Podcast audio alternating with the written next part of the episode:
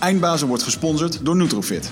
De webshop voor natuurlijke voedingssupplementen en trainingsmaterialen die je helpen bij het verkrijgen van Total Human Optimization. Nutrofit is hofleverancier van merken zoals Onnit, Natural Stacks en Bulletproof Coffee. Probeer onze producten zonder risico door onze money back guarantee. Bezoek ons op www.nutrofit.nl. Bestel je voor 9 uur 's avonds, dan zorgen wij dat jouw bestelling de volgende dag geleverd wordt. Mooi. We zijn er weer. We zijn er weer. Voel je? Sterk. Sterk. Oh jee, oh jee, dat heb ik weer dan. Mensen hebben geen idee, jongen. Dat eh, wij eh, nu zes keer per week... We zijn nu vier weken. Week 4. Week vier. Zijn we zes keer per week aan het trainen. Ja. Training 3 zat er vanochtend in. Nog drie te gaan deze week. Voor onze commandotroepen Experience. Die er aankomt in november. En ehm, ja, ik voel me wel goed. Ja, dat is eh, verbazingwekkend eh, hoe het effect is. Eh, ik wist het stiekem al wel, maar ik was het even vergeten. Eh, Ja. hoe, hoe, zeg maar, hoe je voelt als je echt vaker als twee keer per week gewoon echt eh, zware dingen aan het doen bent. Zeker. Dat doet iets tussen de oren, jongen. Ik voel me echt lekker. Dus, eh, Ja. Wel- Het was grappig dat we de gemeenschappelijke ervaring hadden dat ik aan het hardlopen was. En dat ik op een gegeven moment dacht, was vorige week, dat ik dacht, oh, is die hartslagmeter, werkt die niet of zo? Want die hartslag die moet omhoog, weet je Ja. Ik bleef maar lopen. Ik dacht, nee, mijn conditie is gewoon beter geworden. Ik moet gewoon harder lopen. En dat kon dat ook, weet je wel.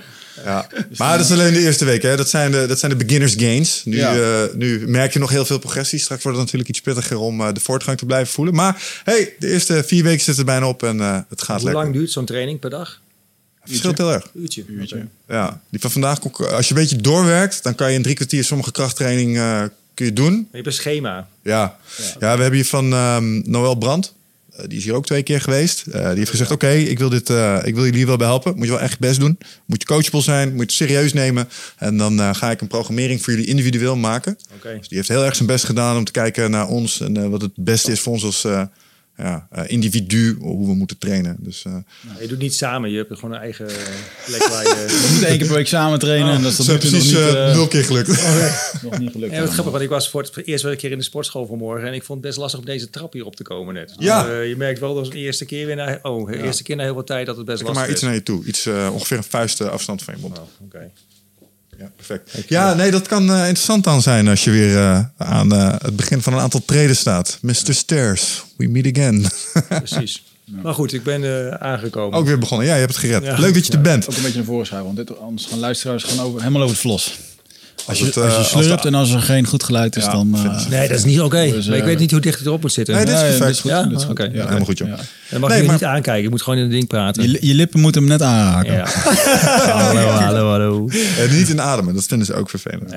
Ja, het is, er, er is echt een heleboel microfoontechniek waar we helemaal niks van wisten voordat we hier aan begonnen. Maar waar je door feedback van je publiek redelijk snel op gewezen wordt. Ja. Dus, eh, Nou, goed. Nou ja. hey, maar vandaag in de studio. ehm, Cornelis eh Wetsema. Wij zijn eh, plaatsgenootjes van elkaar. Jij komt ook uit Deventer.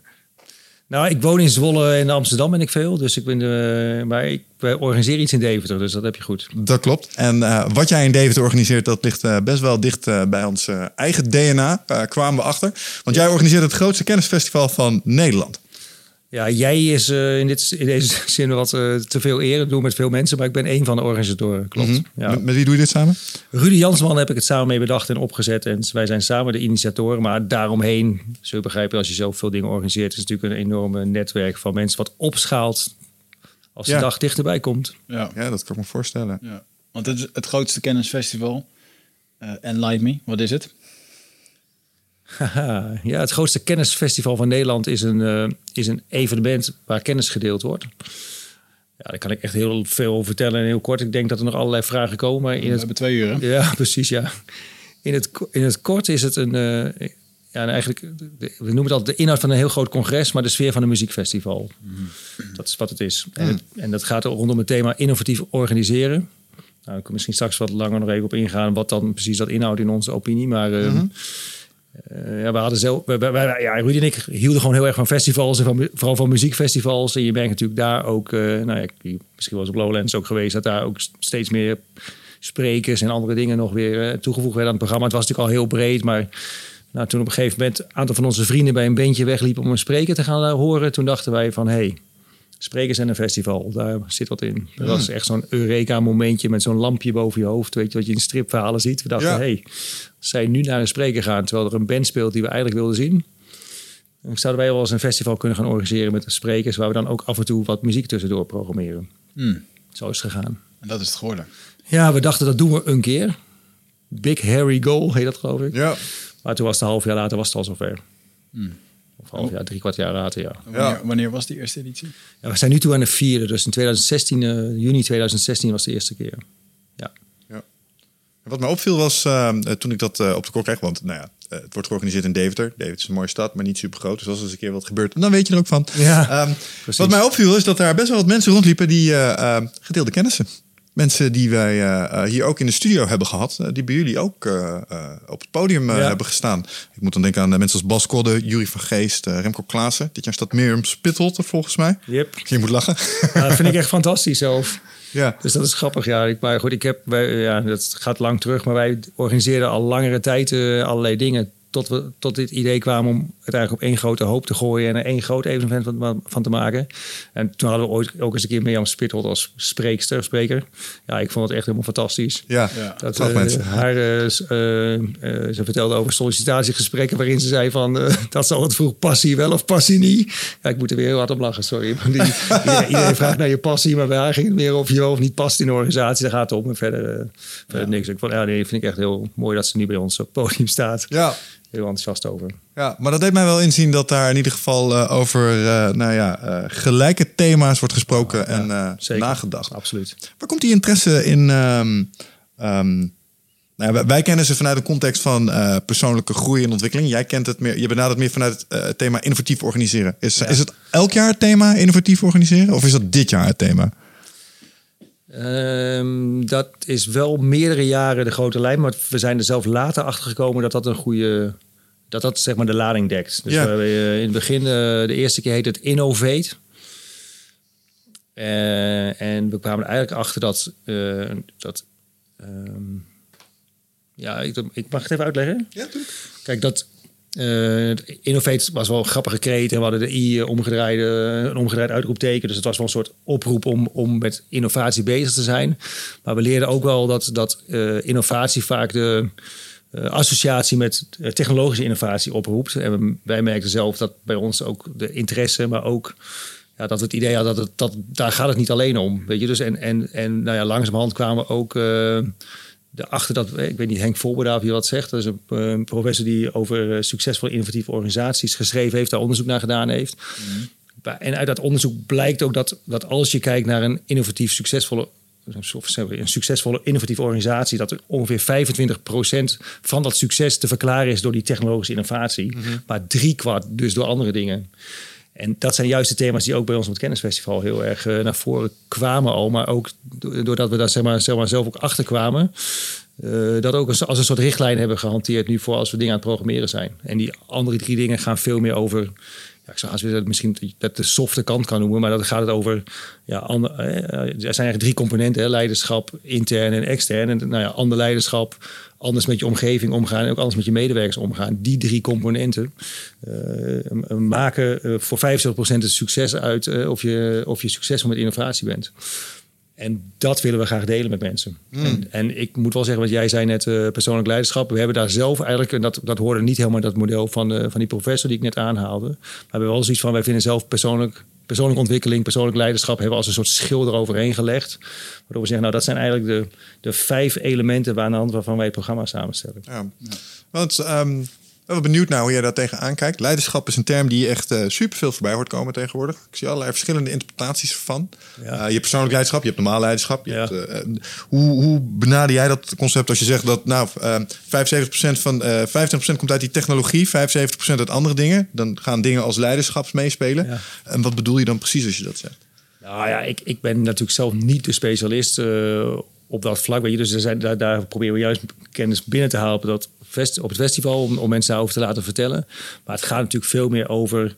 eh, eh, over grenzen heen kijken, dingen van buiten halen. eh, en, en als je het over leiderschap hebt, ook heel erg over hoe ga je met professionals om? Hoe zorg je ervoor dat het optimale daaruit gehaald wordt? Hoe zorg je dat mensen, misschien met zelfsturing of meer autonomie.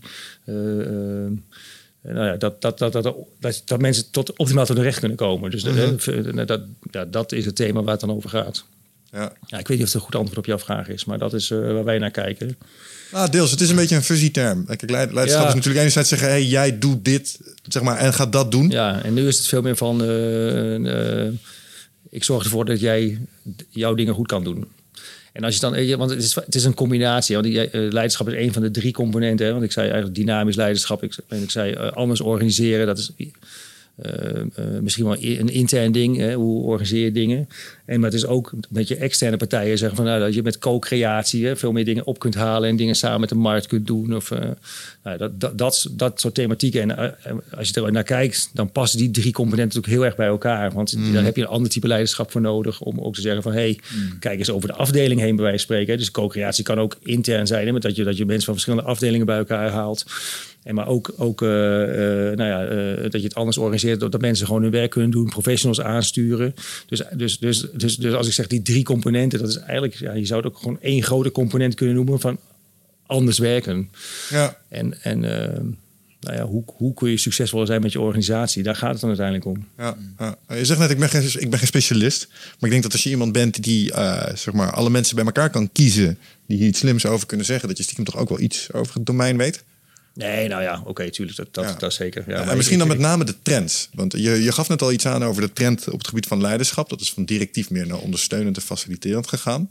Ja. Je zei ook iets over het organiseren van organisaties. Ja. Ehm, wat is een trend die je daar, die je daar spot? Eh, over het organiseren van organisaties. Nou ja, dat, dat, dat je dus inderdaad je, de professionals meer hun dingen laat doen.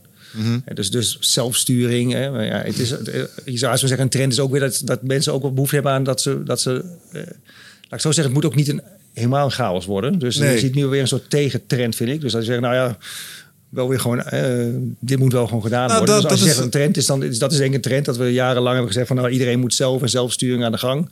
Nou, dat het weer wat omdraaien is en er is wel echt leiding nodig. Dat is denk ik een trend. Ja, Maar ehm, eh, eh, dat hele directieve, dat, dat het niet meer van deze tijd is, dat is denk ik wel natuurlijk een overkoepelend. eh, Hoe ziet dat ideale samenspel eruit, denk jij? Eh, als je zeg maar, die twee werelden eh, zeg maar, met elkaar zou combineren. Want eh, te directief, dat werkt niet. Nee. Zelfsturend autonome teams is een, is een, eh, een mooie Nou, utopische de illusie, denk ik. Het hangt van allerlei factoren natuurlijk af in welke branche je actief bent en welke.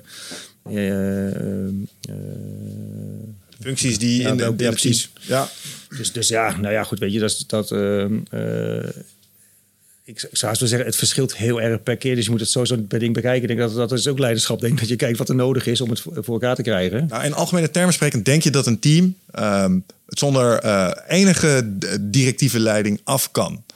Nou ja, sommige teams wel, denk ik. Maar goed, ik geloof dat de trend wat is. Dat we zeggen, er moet wel enigszins wat directiefs aangegeven worden. Ja. Dus dan spreek je vaak in een overkoepelend, dus overstijgend doel. Of waar je met z'n allen naartoe wil. Weet je, dat, dat, daar geloof ik ook in. Maar Mm. ehm, ik zou haast zeggen, kijk, Ruud en ik zijn toch een redelijk zelfsturend team zonder de directieve... eh, Als je naar ons eigen festival kijkt. Ik denk Mhm. dat wij, als je, als je, maar goed, dat, misschien is dat een beetje, eh, is dat geen goed voorbeeld. Maar ik vind het zelf wel mooi. Wij zijn een organisatie totaal als een netwerk opereert met mensen die allemaal weten welke kant op gaat en ingeschakeld worden op de, op de kwaliteit die ze hebben. Dus Mhm. dat, nou ja, weet je, en dan hebben we nog wel, ja, ik moet wel toegeven, we hebben natuurlijk ook wel gewoon een lijn waar zegt dit moet af of we hebben deadlines en er moet dingen gedaan worden. Dus, dus, je- je hebt er altijd wel, zit, er zit wel druk op, maar iedereen weet wel wat er gedaan moet worden. Ja. Ik denk dat met name dat component heel belangrijk is. Ik denk dat je mensen zeg maar stip op de horizon moet geven en ze zelf moet laten uitpuzzelen hoe ze er komen. Nou ja, dat past in ieder geval heel erg bij ons. Ja. Maar goed, er zijn andere organisaties. En ik geloof ook heus dat er andere organisaties zijn waar je wel gewoon moet zeggen: dit moet af en dit moet gebeuren, je moet dit doen. En en sommige mensen voelen zich daar ook heel prettig bij. Weet je, er zijn ook mensen die voelen zich gewoon prettig bij dat ze gewoon hun werk kunnen doen. Ja, Past ook wel een beetje bij die meer spitteld filosofie, vind ik, van passie wel of passie niet. Dus het gaat niet, mensen hoeven niet alleen maar een passie achterna te jagen. Er zijn natuurlijk ook, ook mensen die gewoon hun werk. eh, die gewoon hun werk als werk zien en hun werk willen doen en verder een leuk leven willen hebben. Ja, goed. En, en maar wij, wij, zijn met, wij zijn toevallig met allemaal mensen nu samen die, die gewoon ja, ik zou zeggen, nou, van je hobby je werk maken klinkt ook wel zo truttig. Maar bij ons is het wel, wij wilden graag, wij wilden graag een festival organiseren. Ja, dat doen we nu, weet je niet. Dat is wel... eh, en het is heel, we zeggen wel eens, we hadden graag in de muziekbusiness gezeten. Dat is niet gelukt, dus nu doen we het... eh, Op deze verkapte ja, manier op deze verkapte manier. Ja. Maar dat is onzin, want het was altijd wel ons ding om dingen te organiseren. Maar ja, weet je, dus... Maar ja, nou, ik begrijp, weet je wat ik bedoel? Ja, het verschilt dat- gewoon per... eh, per organisatie. Maar de, de- die overkomende trend is denk ik wel duidelijk. Dat je gewoon eh, ja, mensen meer vrijheid moet geven en wel, en wel een richting. En en ik denk dat, dat je misschien het voordeel hebt, gelet op wat je organiseert, maar dat doe ik misschien een aanname, is dat er ook wel een bepaald DNA op afkomt. Wat misschien uh, net wat makkelijker. Uh, ach, ik zie aan de grens dat het misschien niet helemaal waar is. Nee, ja, nee. Nou ja, kijk, ja, dat, dat er komen je... ook bierdrinkers. Ja, ja, precies. precies. Dat vinden we zoveel belangrijk. Nee, dat is grappig. Ja, dat, dat, dat denken we altijd. Maar het blijkt toch elk jaar weer dat, uh, dat het bier uh, consumptie ook de wijn wel wat tegenvalt. Mensen zien het toch wel. Het is wel uiteindelijk een dagje uit misschien, maar wel een zakelijk iets. Voor ja. Het is geen uh, ja. bierdrinkfestijn of Het is geen. Uh, het is niet zo als de normale festivals die zeggen als we break-even zijn met de kaartverkoop is het goed, want we verdienen het wel aan de drank. Dat is bij ons niet zo. Nee, nee, nee. nee, Grappig. Nee. Maar um, waar hadden we het over? God, we zijn gelijk afgeleid door bier. Het publiek wat erop Ja, oh ja, ja, dat er een bepaald DNA op afkomt. Nou, dat is grappig dat jullie dat zeggen. Dat is natuurlijk zo. Mm -hmm. Um, een hele analyse op loslaten, maar het zijn wel mensen die met verandering in een organisatie bezig zijn. En dat is denk ik ook wel, ik wil niet zeggen dat we een soort trefpunt geworden zijn of zo, maar het is wel een plek waar ook mensen die in allerlei organisaties werken, waar ze misschien de koploper zijn, om te voorloper zijn van bepaalde ontwikkelingen, mm. het ook eens fijn vinden om andere voorlopers tegen te komen met elkaar. Uh, het is wel een soort, uh, ja, we zeggen, een gemeenschap van mensen die, uh, ja. die het goed met elkaar kunnen vinden snel. Maar ik zag dat jullie daar ook ruimte voor maken in, in de programmering om dat soort innovaties zeg maar, te etaleren. Wat ik leuk vond om te zien is dat je hebt Christian Mast heb je ook in je programmering staan. Christian was mijn oude directeur. Oké. ik heb ja. altijd onder hem gewerkt bij Topicus. Ja, en als ik, oh, dat, ik haal hem nog steeds aan in, in mijn trainingen. Ik zou zeg maar de baas willen zijn die Christian Mas voor mij was, maar ik kan dat niet op zijn manier. Hij is echt een van de beste leidinggevenden die ik ooit heb mogen meemaken, zeg maar. Ja. Die weet echt mensen te inspireren en te motiveren. Um, en ik hoopte altijd dat ik hem zelf een leidinggever zoals hij zou worden, maar dat bleek niet zo te zijn. Maar vertel even dan. Nou, ik, zit, ik zit iets anders in elkaar. Als maar wat doet hij zo goed? Oh, nou, hij, hij geeft je... Ik heb zijn verhaal niet gehoord. meer dus, geduld. ja, nou, dat, dat ten eerste ja. En uh, heel veel persoonlijke aandacht. En uh, kon je het gevoel geven dat wat je voor elkaar had gekregen... dat dat bijzonder was en ook echt waarde had voor uh, ja. de rest van het proces waar je in zat. Hij nam je mee in waarom je bepaalde dingen deed. Um, en was gewoon goed in zo af en toe even ja, een rondje langs de velden. Dan gaf iedereen even een oppepper. En dan, uh, ja, dan, dan voelde je je weer even goed of zo. En dan ging je gewoon wat uh, fijner aan het werk. Ja. Volgens mij kunnen we beter die vraag die jij mij net stelde... gewoon even, dan knip je mijn antwoord eruit... en dan zet je dit antwoord erin. Dit is, dit is wat het is, denk ik. Heel goed. Ja, over leiderschap bedoel je? Ja, over leiderschap, ja. ja, ja. Dat is een mooie samenvatting natuurlijk... van mm. hoe het de ideale situatie voor zich... Ja, nee, maar ik vond het leuk om te zien dat je Christian in de, in de line-up had opgenomen. En ik, ik, ik wederom misschien een aanname, maar ik denk dat het is omdat je ook bedrijven het podium geeft om te laten zien wat voor innovaties zij aan het doen zijn in bijvoorbeeld nou, de gezondheidszorg. Ik vind een hele goede vraag gesteld tot nu toe, want er zijn allemaal dingen die inderdaad gewoon in ons hoofd natuurlijk spelen. Mm -hmm. En ook te maken hebben met de feedback die je krijgt op een vorige editie. dat je dat, dat, dat, en dat, wat we zelf trouwens ook ervaren, dat, je, dat, dat, dat als je niet uitkijkt, dat het alleen maar verhalen zijn van misschien wel mensen die hier ook in de podcast zitten. Maar dat het ook, nou dat is niet helemaal waar hoor, maar dat je dus uitkijkt dat het, dat het alleen maar theoretici of mensen zijn die gewoon op een podium staan en de dingen vertellen zoals het zou moeten. Maar dat het ook heel fijn is om gewoon uit de praktijk die verhalen te horen. Dus we proberen daar echt, want dat hebben die valkuil zijn we, nou, nou ingetrapt is een groot woord, want ik denk dat het altijd, dit is wel een goede groei ook. Maar het is, het is gewoon wel uh, onze focus om ook gewoon wat mensen uit het bedrijfsleven op het podium te halen die het ook echt gedaan hebben. Die, die uiteindelijk kunnen vertellen, nou, weet je, zo is het. In, en, en hier loop je dan tegenaan. Want je kunt wel zeggen, uh, zelfsturend team, doe het maar en een mooi verhaal erover hebben. Maar uiteindelijk in de praktijk kan het anders zijn. Dit jaar hebben we ook uh, iemand van de ABN AMRO van Private Banking, denk ik dat ik moet zeggen die, die met 35.000 mensen de weg naar zelfsturing doorgelopen is. Weet je, denkt, ja, dat is wel heel interessant om te horen waar je dan tegenaan loopt. Weet je, ja. niet wel 3500, sorry.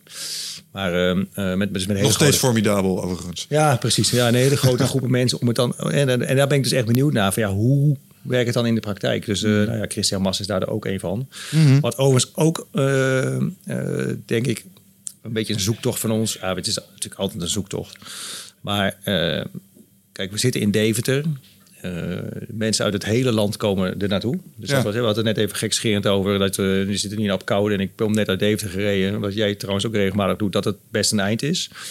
Maar we merken toch dat, dat, dat voor het festival, voor die ene dag, mensen toch echt. Nou, je zei het al, voor één dag is het prima te doen. Maar dat mensen het wel zelf over hebben laten komen. En dus het is, het is echt geen regionaal evenement. Maar we vonden het toch leuk om de grote organisaties uit onze, onze eigen. het, het, de vestigingsplaats van het bedrijf, van, van het evenement. Ik vind het wel leuk om die mensen ook een podium te geven. Dus ik heb wel ook gewoon, of ik, maar we hebben wel gewoon. Ja, Topicus heb ik wel vanaf het begin af aan gewoon achteraan gezeten om, uh, om daar mee. Uh, aan tafel te komen. Samen te werken, ja. Samen te werken, precies. Ja, en, nou, dat is tot Maar nu toe dan... Toch, toch wel een interessante vraag, omdat wij hebben heel bewust gekozen voor Koude. Ik maak er gekscherend grapje over dat die heenrijden Nou, vervelend is. Maar eerder deden we het onze gasten aan. En we hebben wel eens meegemaakt dat mensen niet naar onze podcast wilden komen... omdat het gewoon in fucking Deventer zat. Ja. Ehm, dus Deventer is niet de meest logische keuze als je een event wil organiseren... waar je hoopt op een heleboel bezoekers. Maar toch heb je daarvoor gekozen. Wat was het idee daarachter? Val in herhaling, maar het is weer een goede vraag.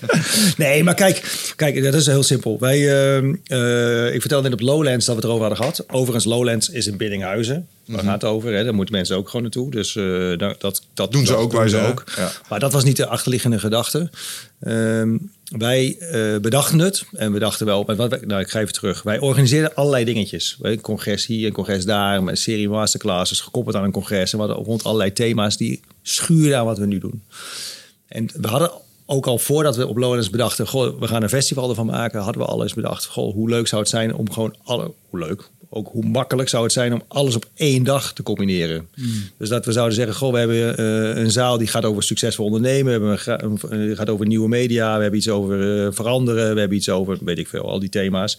En we zetten in het midden één keer een hele grote spreker neer, waar dan iedereen naartoe kan. Dat, dat speelde al een beetje in onze gedachten. En toen kwam in één keer dat idee van het festival eroverheen. Zei nee, we doen het anders. We gaan er een festival van maken. En, eh, maar ja, we dachten ook van ja, weet je, dat is ook wel echt, eh, dat is nogal wat. Weet je, want je eh, geen idee van kosten of wat, wat is daarvoor nodig. Of, nou ja. Maar goed, Rudy, mijn compagnon, die woont in Diepenveen. En ja, die liep in Deventer tegen een amateurkunstfestival aan in het Deventer Havenkwartier. Zeg maar vlak nadat we erover hadden gehad.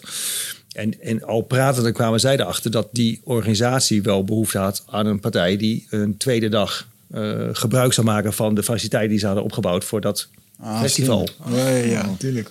En toen zeiden we ja. eh, en toen hebben we elkaar aangekeken en toen, eh, toen, toen dacht ja, toen, toen, was, toen was het bedrag, maar wat, wat het risico was, dusdanig te overzien. Dat we zeiden, nou, we gaan het gewoon proberen, we zien het wel. We hadden zoiets van, nou, dat is. Ja, we- Thomas Plekman, ik weet niet of die ook een keer in je podcast hebben gehad, maar dat vind ik ook een hele, hele goede. Kandidaat, begrijp ja. spreker, maar die, had het, die sprak bij ons de eerste keer en dan zat ik toevallig bij. Je kunt echt niet overal zijn, maar die zat ik bij. En die had het over de affordable los aanpak als je nieuwe dingen wil proberen. Ja, als ik dat zeg, heel veel mensen kijken me wat raar aan. Ik denk dat ik niet helemaal duidelijk Engels spreek, maar affordable loss betekent nou ja, wat je kunt veroorloven. Ja. Nou, dat was één op één wat wij hadden gedaan. Weet je, we dachten, nou, dat, want wij was het 7000 euro de man of zo. Ja, dat is best, ik vind 7000 euro best veel geld. Maar uiteindelijk als je zegt van, nou, weet je, als je iets nieuws gaat proberen, dat is wat je maximaal kwijt kan raken. Dat was te overzien, weet je Ja. niet. Dus en toen langzamerhand is dat natuurlijk veel groter geworden. Maar dat was eigenlijk, ja, zo plat kan het gaan. Dat, dat was dus de reden dat we in Deventer zijn begonnen. En wel met de gedachte van... eh Deventer is vlak over de IJssel. Het is, bijna, het is in een uur te doen, bijna overal vandaan. Het is eh, vanuit Groningen, Breda, eh, Amsterdam is het allemaal te doen. Ik weet ook wel dat, voor, dat bij de IJssel eh, voor veel mensen het ophoudt. Maar Ja toch, hoor, dit Duitsland. dachten we, doen, we proberen het gewoon. En nu blijkt, want we hebben ook wel eens een keer een poging gedaan om het Westen wat te doen, is dat, dat de concurrentie in het Westen met events zo groot is, dat, dat het veel lastiger is om hier wat te beginnen dan in Deventer. Ja. Oh, ja, ja, ja. zag ja. vandaag de, de Next Web eh, conferentie. en nou, ja, Dat, precies, ja. ja. De Next Web wordt daar vaak kwam, eh, aangehaald als Jason wij... Silva en Tim Ferriss en zo kwamen Ja. daar al. eh, Ja. Maar goed, een heel ander, ik denk ook wel weer ander. eh, Ah, andere, andere doelgroep Ja. misschien. Techniek. Maar ja, aan de andere kant is het wel... Ja, nou, het is dus eh, opvallen in een wereld van heel veel events is lastiger dan eh, dat je zegt van dit is... eh, Ja, ja. Ja, wij, wij zijn die zijn. Ja, ik moet wel de credits naar Rudy geven daarvoor. Maar die zei, we noemen het gewoon het grootste kennisfestival. Want er was nog geen kennisfestival. ja, en dan is het het grootste Ja, kennisfestival. ja, grootste, maar mooi nu is het wel echt de het grootste kennisfestival. Want je merkt nu natuurlijk... Ik weet niet of je toevallig... nee, voor mij was vorige week of zo een artikeltje op nu.nl zag ik het. Dan komt het waarschijnlijk ergens anders vandaan. Maar over dat iedereen zichzelf festival noemt. Ik weet niet of je dat gelezen hebt. Oh ja? Nou ja, iedereen, het is natuurlijk hip om een festival te hebben. Dus eh daar stond van de, de plaatselijke boekenmarkt heet nu Boekenfestival. Maar er is aan de opzet niks veranderd, weet je Ja. niet. Ah ja, ja. ja. Dus dat is, eh, maar goed, wij... eh Marketing technisch is dat beter. marketing is dat beter, ja. Dus maar toen dacht ik wel van ja, wij, wij waren dan A, mooi op tijd, denk ik, drieënhalf jaar geleden. En B, denk ik dat wij aan de eisen van een festival voldoen. Ja. Wij moeten ook op die bandwagon. Hoe ziet een eindbazenfestival eruit?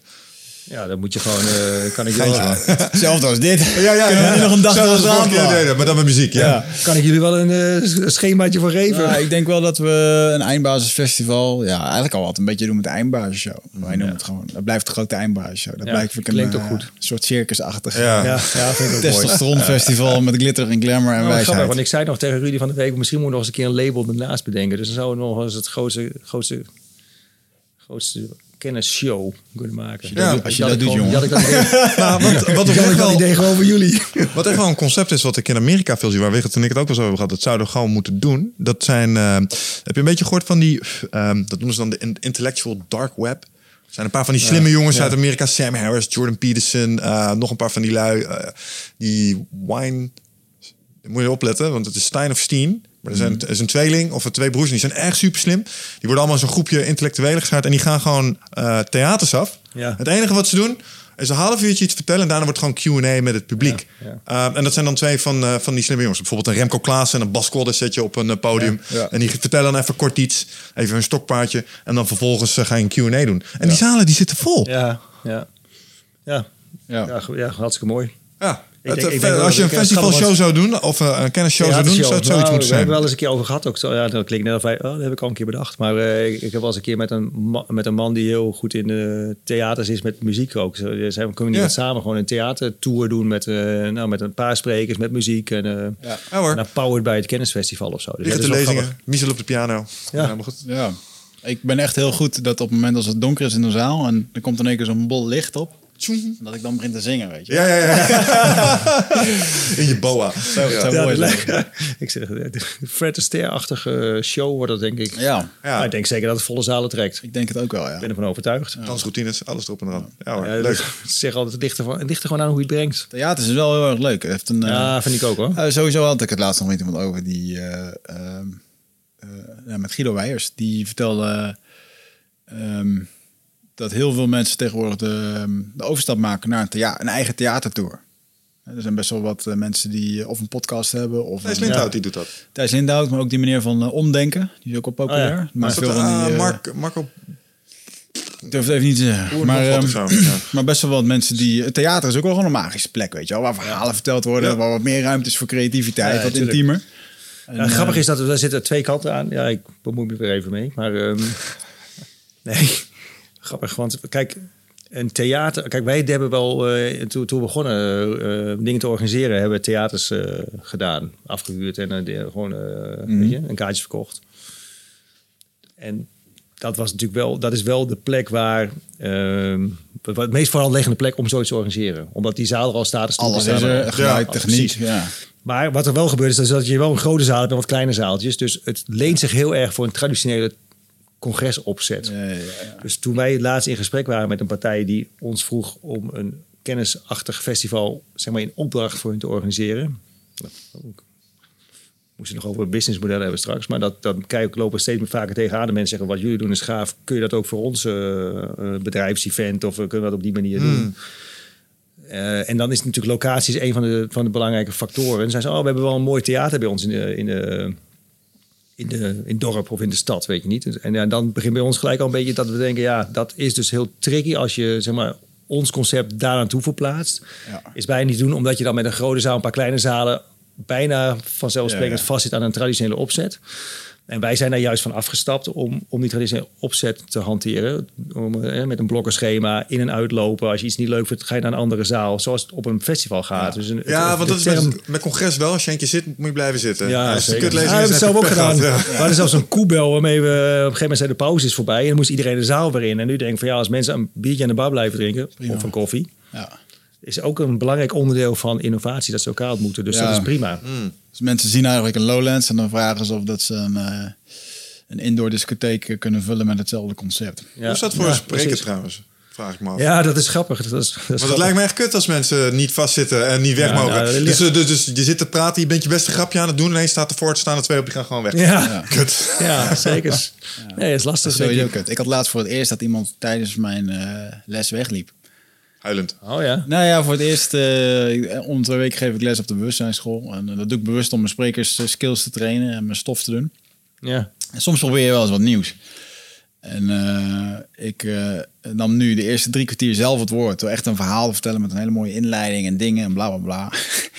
en dan stond iemand gewoon op. Hij zegt, ja, ik kwam hier gewoon niet voor. Weet je wel? ja, ja nou, oké. Dus eh goede les van mij. Ik had het daar... ehm, eh, ja, ik had mensen eigenlijk... Ik had hem binnen kunnen houden als ik hem meteen aan het werk had gezet met een opdracht en met Ja. dingen, later dingen, weet je wel. Dus dat jij is moet doen? eh, Meer sheets gebruiken.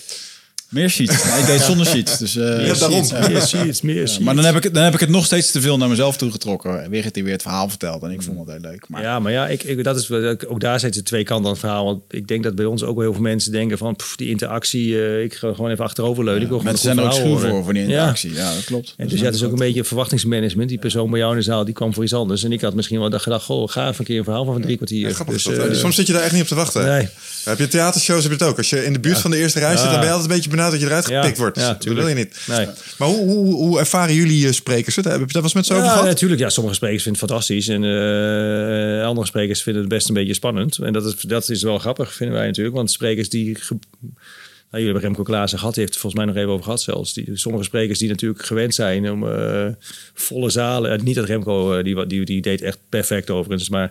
eh, Ook die had in de arena dat mensen bij hem wegliepen. Ja. Dat, ja, dat gebeurt bij hem ook. Dus bij de Ja, nee, precies. Maar ik bedoel alleen, hij, hij, hij was niet zenuwachtig bij ons of zo. Maar ik bedoel, sommige mensen zijn daar wel wat extra gespannen, omdat het gewoon een hele andere setting is.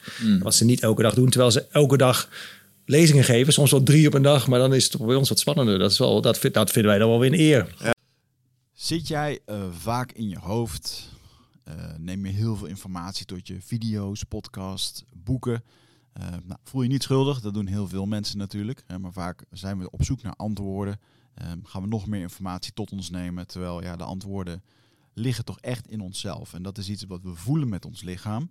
Maar vaak zijn we zo erg in ons hoofd bezig ja, dat we dat ook niet meer, dat we daar niet meer echt goed bij kunnen. En dat is graag waar ik je voor uit wil nodigen. Voor Rite of Passage.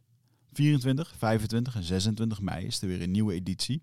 Voor mijn retreat voor persoonlijke ontwikkeling. Waarbij het thema echt is om uit het hoofd te komen in dat lichaam. Want dat is waar je alles ervaart. En ik wil dat je gewoon weer in contact komt met, met die, die intuïtie. Ehm, en dan gewoon een heel sterk eh, innerlijk kompas. Dat je gewoon weer weet waar je naartoe moet. Wat je te doen staat. En dat je gewoon weer helderheid hebt over wat je wilt en hoe dat je dat gaat doen. En dat doen we middels eh, bio-energetische oefeningen, dynamische meditaties, een stuk shamanisme zit erin. Het enige wat er bekend is van het programma is dat er een zweethut in zit. Eh, en natuurlijk gewoon hands-on persoonlijk leiderschap. Eh, dit retreat krijgt een 9,2 gemiddelde van meer dan 331 deelnemers. Daar ben ik ontzettend trots op. Sterker nog, er is ook een money back guarantee. Vind je niks na drie dagen, krijg je gewoon je geld terug. Dus het enige risico dat je loopt, is dat je gelukkiger wordt. Klinkt dit als iets voor jou en durf je het aan? Dan zie ik je op Ride of Passage. Ga naar wichertmeerman.nl en klik op Retreat. Ja, Waarom is het feedback dan te- spannender? Dat snap ik Ja. dan niet. Nou, omdat mensen weg kunnen lopen. Ja, Ja, precies. ja. En mensen met een biertje. Ja, eh, precies. het is gewoon een Ze hoeven er niet te zitten van hun baas. Nou, sommigen dan. Dus ze hebben nu de vrije wil om eh, Ja, te zeggen: het is gewoon kut, we gaan weg. ja. Omdat ze een biertje... Ja, ja, dat is wel waar. Ik heb eigenlijk nog nooit mensen met drank op in mijn training gehad. Ik ben benieuwd of dat de dynamiek nog een is beetje eens bier verandert. gegooid naar sprekers. Ja. Dat gebeurt Ja, ook wil op het een normaal concert? En dat is natuurlijk kerel van eh, die toen dat biertje opving in de zaal. Weet je, dat, eh, Oh, Dat filmpje heb ik wel eens gezien, ja. Dat zou Met een- mooi zijn, ja, ja. ja, ja, ja, dat, ja. zal wel, dat is wel het ultieme. Als, ik denk als, dat we dan stoppen als we dat bereikt hebben. Als er een spreker wordt korrel met bier. En die dat Nou, we komen er deze keer dus op. dat. Of Snoop Dogg die op Lowlands een wietplant eh, via het publiek werd hij helemaal naartoe gegaan. Dat is- Die zag die, die- Ja, maar dat zijn toch mooie dromen voor het kennisfestival. Bij jullie wordt er denk ik geen drugs gedaan, of wel? Lopen geen mensen met ecstasy. Tot nu toe eh, heb ik er nog weinig van gezien. er, wordt geen- er wordt niet gecontroleerd. Of, Ze krijgen alles mee naar binnen, ja. Ja, we, hebben wel een, eh, we hebben wel festivalvoorwaarden. Maar, het- maar goed, ik heb nog niet iemand met drugs betrapt. Nee, dat klopt. Dat zou het zijn, hè? Maar wat, wel- wat wel leuk is om te zeggen misschien... is dat eh, sprekers ook gewoon wat nieuwe dingen gaan proberen bij ons. Kijk, zoals Bas Korte bijvoorbeeld. Ja, dat is natuurlijk ook gewoon een topspreker inmiddels. Maar die komt nou freestyle en heeft hij misschien wel vaker gedaan, maar dat doet hij niet altijd. Weet je. Hij gaat gewoon helemaal los erin. Hij heeft, eh, Hans van Breukelen heeft hij gevraagd om mee te komen. En ik las toevallig zo op de sociale media van de week nog een special guest. Wij hebben ook geen idee. En neem gewoon zijn hele crew mee. Kom jongens. Misschien, misschien dat jullie weten wie Hey, dat Hans is. van Breukelen. Die komt in de podcast. Dat is wel een goeie. Ja, ja. geweldig. Nou ja, die komt dus ook eh, mee.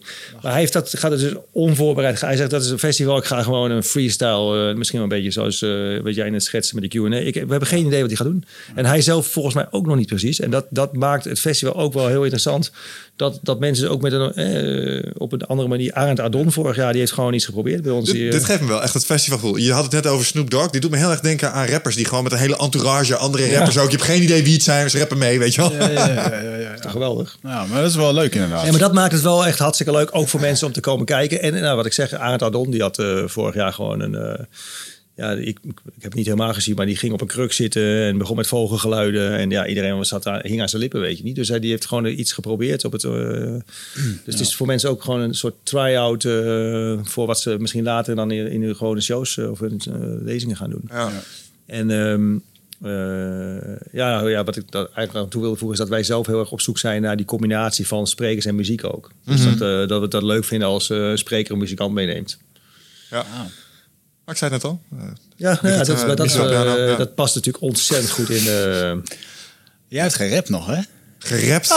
Of niet? Was Ja, de dat... auto, onderweg dat- hier naartoe. was dat Maar verder niet. eh, nee, Oh, nee. Nee Meulen jij, dat. jij met mij Casper van der Meulen. Ja. Daar hebben we het wel over gehad met hem. Ah, ik dacht dat jij... Vond hij niet leuk? eh, ik dacht dat jij vroeger nog een beetje freestyle... ja. Nee, nee, Ja, als je- nee. dan zou je wel nog een kleine rap kunnen doen bij ons. Ja, nou, ik wilde wel iets voor je studeren, maar dan wil ik wel een paar echte rappers Ik meenemen. zeg, er moet toch iemand het slechtste zijn die dag.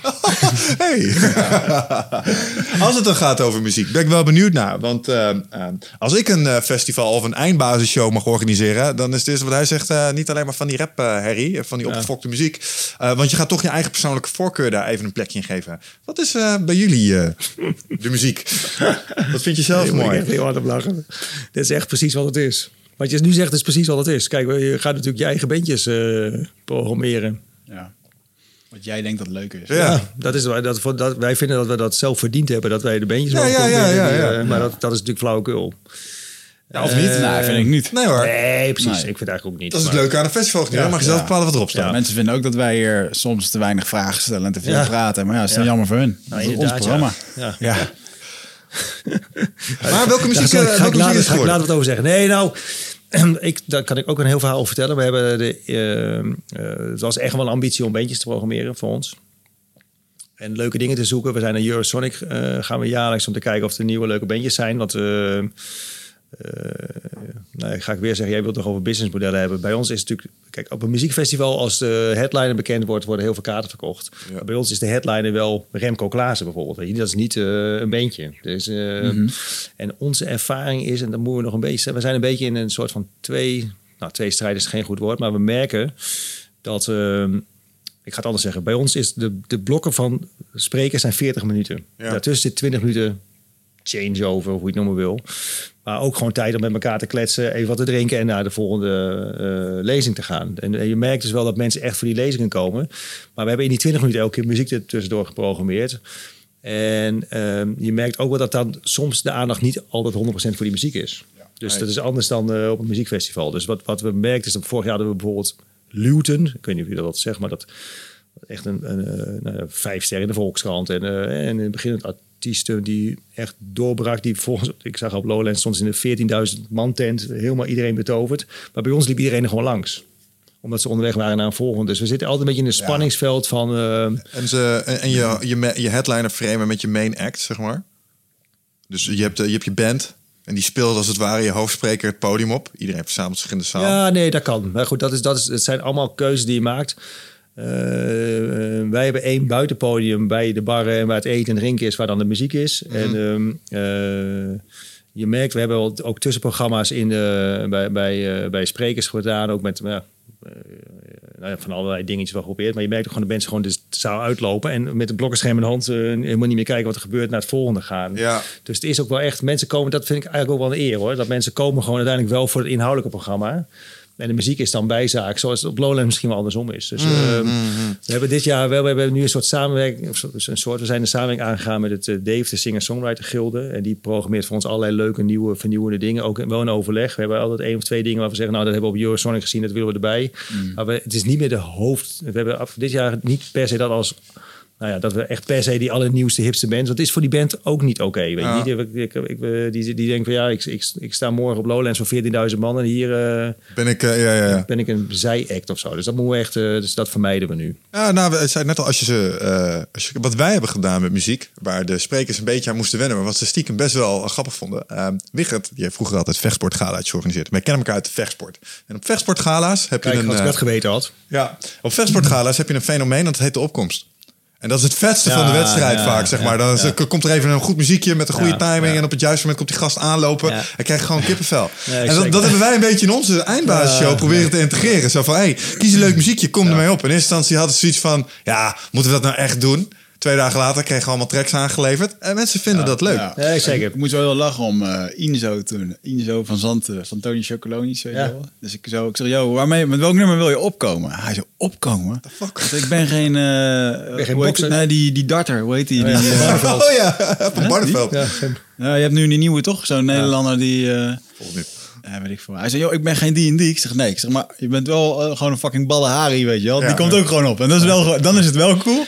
En, ja, ik vond het wel... eh, Nou, ik word er echt gelukkig van als je dat hier zeggen. Want Wij, ik, ja, ik wij hadden het eerste jaar inderdaad... eh Engbert Breuker doet bij ons. Ik weet niet, Engbert Breuker ook wel topspreker. Die deed de eh, dagvoorzitterschap op het grote podium. En die had inderdaad hetzelfde gevraagd. Aan zijn acht ex gevraagd wat, wat de muziek moest zijn... waar ze mee op moesten komen. En vond het echt super spannend de eerste keer dat we deden. Want ja, wat ik al zei, het was eigenlijk nog nooit vertoond natuurlijk. Dat je, dat je in een zaal gewoon naar binnen kon lopen bij een spreker en erbij kon gaan staan. Of eh, ik had geen idee. Ik zeg, straks had er niemand heen of eh, ik had geen idee. Maar toen de allereerste eh, spreker was Jan Rotmans bij ons dat jaar. En Engbert Breuker had... eh, eh, nou, hem dus ook als een van de eerste, eh, nou, van een van zijn acht had hij dus ook muziek, de muziek gevraagd. En volgens mij had hij eh Chauffeur Lamour, denk ik, of zo. Van, hoe heet hij? eh, Raymond van Groenewoud, volgens mij een nummer. eh, ik weet niet helemaal zeker of dat het was. Maar goed, wij, ik stond dus gewoon te kijken omdat het begin van het, het festival barstte los. De eerste keer dus, ja, die tent stond bomvol. konden 800 mensen in, denk ik. Dus die tent stond met 800 mensen. Stond, sto- iedereen stond en die muziek die schalde door. Jan Rotmans had zijn jasje uitgedaan. Die danste met Engbert Breuk op het podium. Ja, ja. ja, maar dat is goed. En dat weer- is wat je wil, ja. en nu dus uiteindelijk weer kippenvel van. Maar dan had ik dus, ik dacht ja, toen, ja, hij zag dat het goed was. Maar toen was het gewoon, het, het, het werkte gewoon vanaf het begin. Dat heeft ook heel erg met de, met de spreker te maken. Ik heb daar nu zelf naar zitten kijken. Ik ben laatst naar Amerika geweest naar een spreker die Ja. dat eh, deed. En die, die komt gewoon op met zijn eigen nummer. Ja. En dat is gewoon zijn nummertje. En dan staat hij blij op te dansen en te doen. Ja, geweldig. En eh, vervolgens toen nodigde hij een collega-spreker uit. En die deed dat echt goed. Toevallig ga ik nu volgende week naar die spreker in Amerika om daar spreekstraining van te krijgen. Oké. Ehm, ik wist niet wie die man was, maar die man die werd aangekondigd van nou hier is eh, Pietje. En toen lieten ze gewoon een, een, eh, een anderhalve minuut echt gewoon lekker Amerikaanse highlights zien van wie die man was. Wat nou eigenlijk zijn verhaal was. Eh, een verhaal erbij. NFL-player brak zijn been op zeven plekken, kon niet meer doen. En is vervolgens de, de beste one-man show Broadway geworden. En ik wist meteen, voordat die man eigenlijk op het podium stond, wist ik al wie het was. Ik was helemaal opgepompt door, ah, dit is vet. En hij kon gewoon lekker zijn verhaal doen. Toen dacht ik denken, ja, ik sta nu soms wel eens tien minuten lang uit te leggen wie ik ben, wat ik Ja, doe, waar ja, ik ben ja, gekomen. ja. Dat kan voorkomen worden door een kick filmpje. Maar dat werkt alleen als je... eh, want wie doen dit ook? De UFC. Ken je UFC? Ja. Ultimate Fighting Championship. Nou, als je, ja, als je een showtje maken wil... geloof ik niet zo in thuis als jullie hebben. wil jatten, dan moet je daar eens naar kijken. Ja. Maar dit- als je het Ja. hebt over grote evenementen Ja. organiseren Ja. met show-elementen, Ja. daar Ja. zijn ze uitzonderlijk goed Ja, in. ja. En wat zij ook doen is elke vechter, elke partij krijgt sowieso zijn eigen story arc. Daar wordt iets over verteld. Dan zie je ook dit soort dingetjes. Wie is die vechter? Waar komt hij vandaan? Oh, hij had eh, helemaal geen centjes. En nu bij de UFC is hij ervoor aan het knokken. En heeft Ja. kinderen. En dat Ja, doet hij het voor. En dat vinden mensen Mooi. super. Maar dit werkt niet in een vergaderzaaltje voor acht man. Nee, dat ben ik me mee eens. Nee, dus we moeten niet tent met. 800 man. Nou ja, goed. Dat is wel echt leuk om over na te denken inderdaad. Het, het- aan de ene kant is misschien... Klinkt het heel Amerikaans. Aan de andere kant eh, zag je bij ons ook gewoon dat mensen gewoon... entertainment. Ja, het eh. En ik weet dat heel veel sprekers- Super cool. Inderdaad, worden daar dan ongemakkelijk van. Ja, een opkomst. Nou ja, dat, en dat is denk ik dacht dat je dat wilde zeggen. Je moet natuurlijk uitkijken dat je een ongelofelijke eh, eh, entrance, hoe heet het? Dat er iemand eh, hebt en dan vervolgens kakt het in als die man begint te praten of zo. Het moet wel, het moet wel een soort... het moet Kijk, Ja, maar het doet ook iets met je... Als spreker doet het Ja. ook iets met je natuurlijk. Hè? Remco Klaassen gaat gewoon waarschijnlijk door in die adrenaline, weet je wat? Dat zou helemaal geen probleem zijn. Maar andere sprekers hebben dat misschien... nou ja, Ja, bij ons ging dat nu wel. Maar iedereen mag ook een nummer kiezen dat dan bij ze past. ja, Mhm. ja top toch. Ja, ik is ook het leuk. wel hoor. eh, heel erg wel gelachen hoor. Mensen Echt heel goed. Casper heeft zelfs zijn eigen nummertje nog in elkaar gezet, volgens mij. Die kan dat. Ja, die had een eigen, een house, eigen beat en alles, eh, beat, ja, hoor. We doen het in verschillende, op verschillende manieren eigenlijk. Die, ehm, eh, wat ik net zeg, dat begon met muziek in een grote tent. Een andere grote tent hebben we een singer-songwriters duo. Een een man en een vrouw die gewoon het hele programma voorbereiden en doen. In die tent introduceren ze iedereen met een zelfgemaakt nummer. Ook mooi, ook super. Ja. Zelfgemaakt nummer. Nee, ja, sorry. Could be dangerous. Weet je het op zijn triangel? Ja, maar zij, zij, zij zijn er heel goed in. Oké. Nee, dus dat, dat is, en we hebben ook Iris Hond een keer gehad. eh, die eh, eh, op haar piano eh, het favoriete nummer van de te, te komen artiest... eh, of sorry, de te komen spreker speelde. Ja, ja mooi kan het niet zijn natuurlijk. Geen technotent hoor ik. Nee, en we hebben ook wel eens een keer een rap eh, duo, nee, een rap bandje gehad uit Groningen. Een uh, doorbrengende rappers. We hadden over- ook volgens mij een paar jongens uit Raalte kwamen. Jouw eh, hometown. Ah ja, goed, dat vinden dan tien mensen superleuk. En de rest, Ja, de rest eh, zal houdt wel. schouders op en die loopt naar de volgende zaal. Ja, ik ben er zelf ook wel van. En mijn kinderen zeiden dat Snelle uit Deventer komt. Oh, dat zegt me niet Nou, zoveel. zie je, nou, nou, dat Voor is een generatiekloofje. een hele hippe rapper. Dus ik dacht, nou ja, dat is dan misschien... eh, maar goed. En hoe, hoe gaan jullie om met... eh, je ziet tegenwoordig veel festivals, video-interactie, videoschermen. ja, toch wel een beetje het, eh, het digitale entertainment en zo erbij. Is dat eh, aanwezig? Of toekomstperspectief? Nou, we hebben, we hadden altijd wel een heel groot scherm buiten de grote tent. Want dat hebben ze. Ik, zeg weer Lowlands. Ik ben bang dat ik straks een claim krijg van ze. Maar ik ben nogal fan. Dus daar, daar heb je natuurlijk ook op grote schermen naast de podia. Kun je ook gewoon eh, op de heuvel blijven zitten en eh, de band kijken. Dus wij dachten, we zetten ook een heel mooi groot ledscherm buiten neer. Dan kun je gewoon buiten blijven staan bij de bar en alsnog de spreker volgen. Ja. Dus dat doen we, dat soort dingen wel. Maar dat er echt heel veel eh vernieuw, eh, vernieuwing moet dat, dat misschien nog. Ja, vernieuwing is misschien een rot woord. Maar dat er allerlei dingen gebeuren visueel of zo eh, tijdens de eh, dingen, dat is niet per se. Want je kunt natuurlijk ook niet. Voor, kijk, als er acht sprekers zijn, kun je niet aan alle eisen voldoen op technisch gebied. Zoals iedereen wat anders wil. Of zo moet het ook wel gewoon uiteindelijk. Ja. gewoon, eh, we hebben 15 podia, weet je wel. Dus we moeten wel. eh, Ja. Op, op Ja, die, echte maar- interactiedingen vind ik altijd een beetje tricky. Weet je wel, ik heb dat ook wel eens in Arena gezien. Toen had je nog, eh hoe heette die gala's van Simon Ruts ook alweer? Shit. Showtime. Showtime, Daar hadden ze ook van die hele grote schermen. En dan was er een nummer en dan kon je een berichtje heen sturen. En dan je Ja, ja. hey Piet, op rij 3. Duurde niet lang voordat daar allerlei... eh, daar, daar heb je een voltijd moderator nodig om dat... ja, ja, ja, ja, ja, nee, ja. Dus nee, ja, ik dat, weet- dat hebben we, dat, dat, eh, nee. Dat- ja, dat was ook een beetje. Dat hebben we toen in die tijd van die congressen, kan ik me herinneren, met zo'n hashtag. En dan had je inderdaad zo'n eh, scherm ernaast waar al die tweets eh, rondliepen of zo. Maar dan moest ik vooral met name zelf gaan twitteren om er af en toe wat nieuwe Ja. tweets op te krijgen. Ja, ja, ja, Wat, wat wel heel makkelijk zou kunnen, wat ik echt geloof wat een eh, ding gaat worden, is ehm, YouTube ondersteunt het, maar de meeste VR-sets ook. Als jij een camera, dat is zo'n bolletje, die kun je op je podium plaatsen. En dan kunnen mensen live, kunnen ze gewoon op dat podium kunnen ze kijken naar wat de desbetreffende artiest aan het doen ja. is. Hebben we het vorig jaar mee geëxperimenteerd inderdaad. Dat vond ik wel Niet super hip, eh, toen ik dat een keer Hebben we geprobeerd, klopt. Werkte niet? maar, de- ja, nee, we hebben het bij ons. We hebben tegenwoordig een kantoortje. We hebben een keer zo'n test eh, gedaan met zo'n ding. Maar uiteindelijk is het niet verder gekomen dan dat eigenlijk. Maar nu je het zegt, is het wel een goede reminder om te. eh, maar we doen wel livestreamen en zo. Hè? Dus wat. Ook daar, ik ben echt slecht met aantallen, joh. Maar we hebben wel, eh, als wij 2500 deelnemers hebben, of mensen die aanwezig zijn, ik denk dat we dat er zo nog 40.000 mensen dan ook meekijken. Ja. Op sommige momenten. Dus, eh, Heb je dan stream per evenement? stream per evenement? Ja, per, per spreker. Dus eh, Wigert staat in tent A, we staat in tent B. nou, meestal de twee grote tenten worden Ja, ja, gestreamd. Dus dat is, ja. En dat heeft natuurlijk ook te maken met of mensen het willen, ja of nee. Sommigen willen het niet. Maar meestal eigenlijk wel. Maar het was grappig wel ooit eens een keer, daar was ik zelf best heel trots op. Want eh, Marco Derksen, ik ken hem helemaal niet zelf, maar dat is van, die volg ik natuurlijk op Twitter. Ik, ik ben echt wel van de Twitter van het begin. En hij was eh, echt voor mij wel een voorbeeld. Hier zat op een gegeven moment een live verslag van het kennisfestival eh, op Twitter te doen. En ook linkjes naar de, naar de livestream en zo. Nou, vond ik echt super.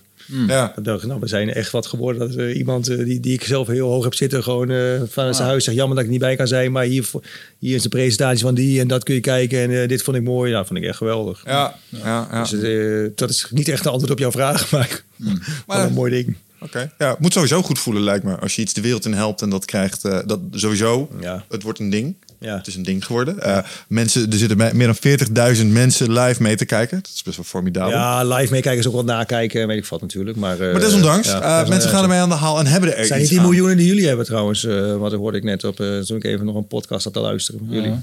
Ja, maar dat bouwt op bij ons, hè? dus dat is eh, niet helemaal te Voor jullie vergelijken. is het één dag te zien en daarna niet meer. Bij ons Nee. is het, eh, Nee, maar ik, dat vind ik mooi. Dat, nou ja, als ik hier ben, ben ik- vind ik echt gaaf wat jullie voor elkaar hebben gekregen. Maar ik ben ook wel trots inderdaad. Dat we, ja, we hebben ook heel veel dingen geprobeerd die niet eh, wat werden. Maar dit is kennelijk een of andere manier... eh, slaat het heel goed aan. Die manier van eh, kennis delen is op een of andere manier vinden mensen dat kennelijk hartstikke leuk. Ja, ik moet het toch even vragen. Wat was een van je pogingen om iets wat echt dat je gaat... Oh ja. Iedereen heeft er één. Nee. ja, nou nee, dat is- dat zou ik echt niet. Ik heb geen antwoord op zo snel. Er zijn zoveel dingen. Maar we hebben natuurlijk ook gewoon veel dingen georganiseerd. Ik weet niet of jullie dat ook wel eens hebben gehad. Dat je gewoon twintig mensen te bellen of ze alsjeblieft ook willen komen omdat de zaal anders leeg is. Dus eh, dat, daar doe ik eigenlijk meer op. Nou ja. Dat je denkt van, oh, kom alsjeblieft, anders denken die vijf die wel betaald hebben van dat een heel uh, Ja, ja, dat dat een is flater is. ja. Dat is stress. dat, eh, dat idee. Dat is jouw grootste eh, Ja. veel. Veel. Ehm, nou, niet echt zakelijk gezien wel veel. Ik heb natuurlijk exorbitant veel tijd gestoken in... Maar dat was eigenlijk een hobby. In een website genaamd eh, Mixfight. Dat was zakelijk, ondernemerstechnisch gezien. Heb ik altijd het gevoel dat, dat we daar veel meer mee hadden kunnen doen. Als we er slimmer mee waren geweest. En ik heb een tijd lang gedacht dat ik personal trainer wilde worden. Oh. Ja, en daar heb ik allerlei trainingen en opleidingen voor gedaan. Wat doe ik er nou uiteindelijk mee? Helemaal niks. Het was wel een hele leuke tijd. Ik was super fit. Maar eh dat was weer, in eh, termen van rendement misschien niet de beste uitgave die ik ooit gedaan heb. Ik geloof dat rendement, ik, ja, in onze opinie is, maar goed, dat is wat we zelf eh, ervaren. Dus rendement is ook niet, als dat een drijfveer wordt, dan eh, Ja, maar ja, is je, sowieso moet, niks. je moet toch de rekening betalen. Nee, er moet wel wat overblijven, maar eh, ja, de ambitie is niet om eh, Kost, kost een kaartje eigenlijk? 195 euro. Oké. En heb je ook andere arrangementen, zoals een VIP-arrangement of zo? Word je met een limo opgehaald? Weet ik wel. Nou, dat zou ik wil jou met een limo ophalen. laten Dat vind ik sympathiek.